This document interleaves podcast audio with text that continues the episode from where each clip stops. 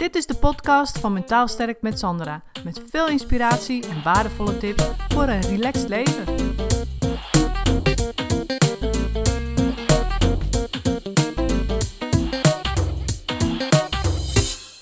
Er is in Amerika een uh, psycholoog en uh, zij is uh, professor. Ze heet Carol Dweck.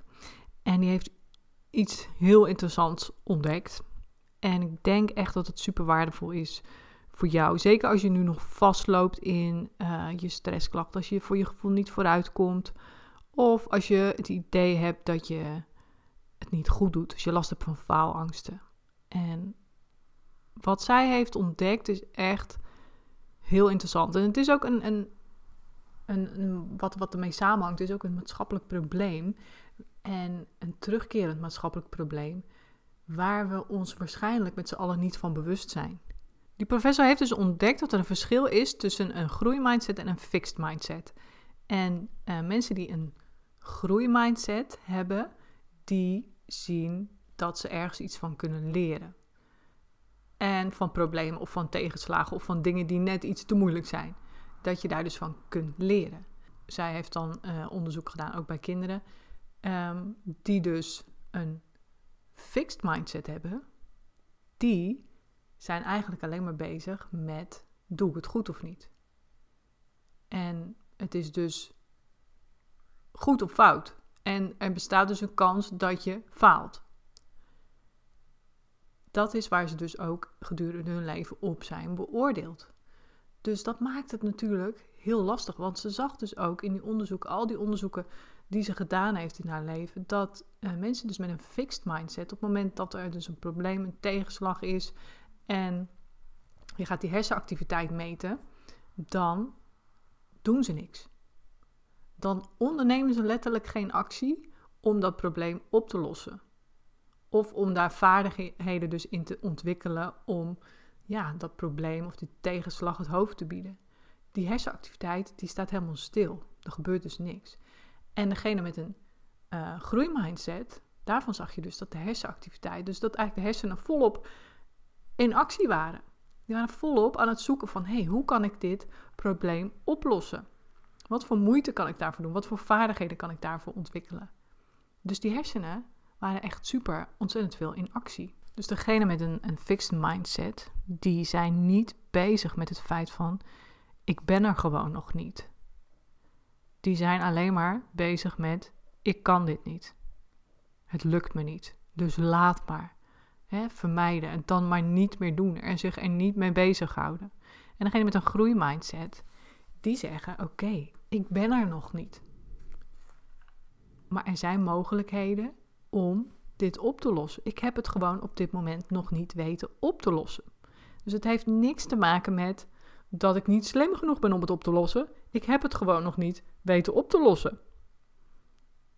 En degene met een, een uh, fixed mindset, die hebben dus het oordeel over zichzelf. Ik ben niet slim genoeg om dit op te lossen. Een heel concreet voorbeeld.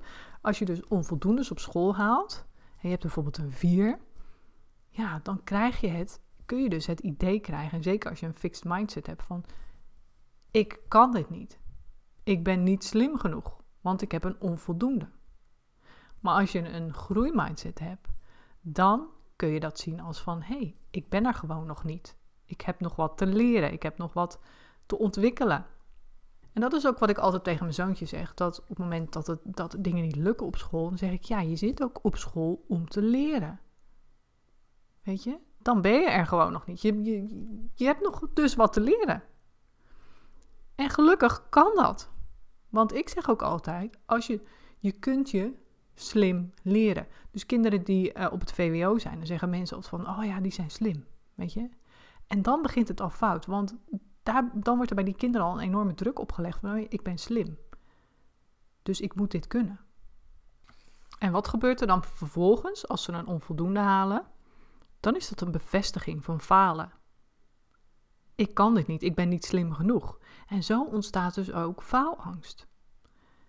Dat is echt een dingetje. Kijk, op het moment dat je altijd tegen je kind zegt: goed zo, goed zo, goed gedaan dan gaat zo'n kind zichzelf ook afmeten met diezelfde maatstaf. Dus doe ik het goed of doe ik het niet goed? Is het goed zo?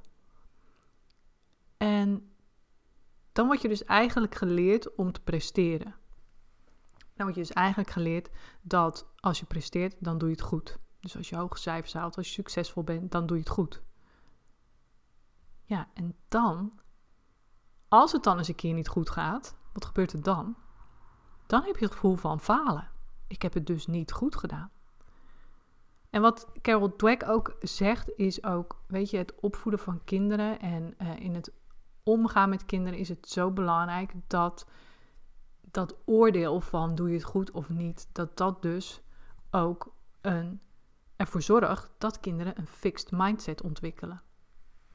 En zichzelf ook gaan beoordelen of doe ik het goed of niet goed. En als onvoldoende, als onvoldoende zijn, dan doe ik het dus niet goed.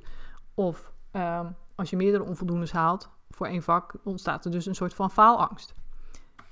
En die faalangst zorgt er dus vervolgens voor dat je een soort van lam slaat. Dat die hersenen dus maar niks gaan doen om het op te lossen. Dus wat is dan precies ervoor nodig om ervoor te zorgen dat kinderen een groeimindset ontwikkelen? Ja, dat is heel lastig, want in de maatschappij heb je natuurlijk te maken sowieso met het onderwijs. En ja, daar word je toch ook echt beoordeeld door middel van cijfers. En dus weer die onvoldoendes. En dan is het maar net aan een school van hoe gaan ze daarmee om. Het ligt er maar net aan hoe zo'n school ermee omgaat. En het ligt er ook maar net aan hoe er thuis mee om wordt gegaan. Dus wat kun je doen om een groeimindset, niet alleen voor je kinderen, maar ook dus voor jezelf te gaan ontwikkelen? En dit is ook altijd, het is ook nooit te laat om te leren, want dit is ook altijd wat ik mijn klanten vertel. Focus je op het proces. Dus wat je nog te leren hebt om te groeien. En dat je dus het probleem waar je nu tegenaan loopt, de tegenslag die je hebt, dat je dat gewoon nog niet hebt opgelost. Nog niet. Je hebt het gewoon nog niet weten op te lossen.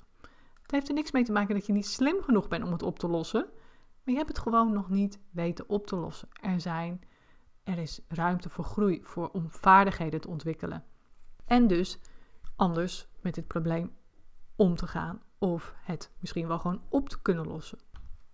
En de kinderen die dus bijvoorbeeld een onvoldoende haalden met een uh, fixed mindset, dat is ook interessant. Wat die dus als volgende stap gingen doen, is misschien wat ze dan in die onderzoeken, wat daarin naar voren kwam, was dat die kinderen dus als volgende stap bedachten, dan ga ik misschien gewoon vals spelen, dan ga ik afkijken. Of ze zeiden, dus in plaats van harder te studeren als ze een toetsen niet gehaald hadden, zeiden ze van dan ga ik, ga ik, het, ga ik het gewoon afkijken, weet je. En wat ze ook deden was dus naar anderen kijken die slechter gepresteerd hadden dan zichzelf. Zodat ze zichzelf beter konden voelen over hun eigen prestatie. En het hele probleem van zo'n fixed mindset is dus dat je in, later, in je latere leven, of dat die kinderen in hun latere levens, dus constant beloning en bevestiging nodig hebben. Om dus die waardering te krijgen en dus het gevoel te hebben dat ze het goed doen.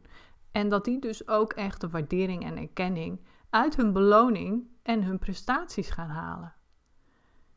En als je dit nu luistert en je denkt, shit, ik herken mezelf hierin, dan ga ik je nu de volgende stap geven wat je dus anders kan doen. En dat begint bij je kinderen, als je die hebt. Maar in ieder geval, daar begint het bij onze kinderen. Want als je vanaf nu je kinderen anders gaat opvoeden en gaat zeggen van oké, weet je, als iets niet lukt, dat kan gebeuren. Je hebt nog dingen te leren. Dit kun je leren om op te lossen. Het is geen probleem. Het is niet goed of het is niet fout. als een kind naar je toe komt met een mooie tekening en je zegt goed zo, goed gedaan, dan zit daar weer dat oordeel aan vast.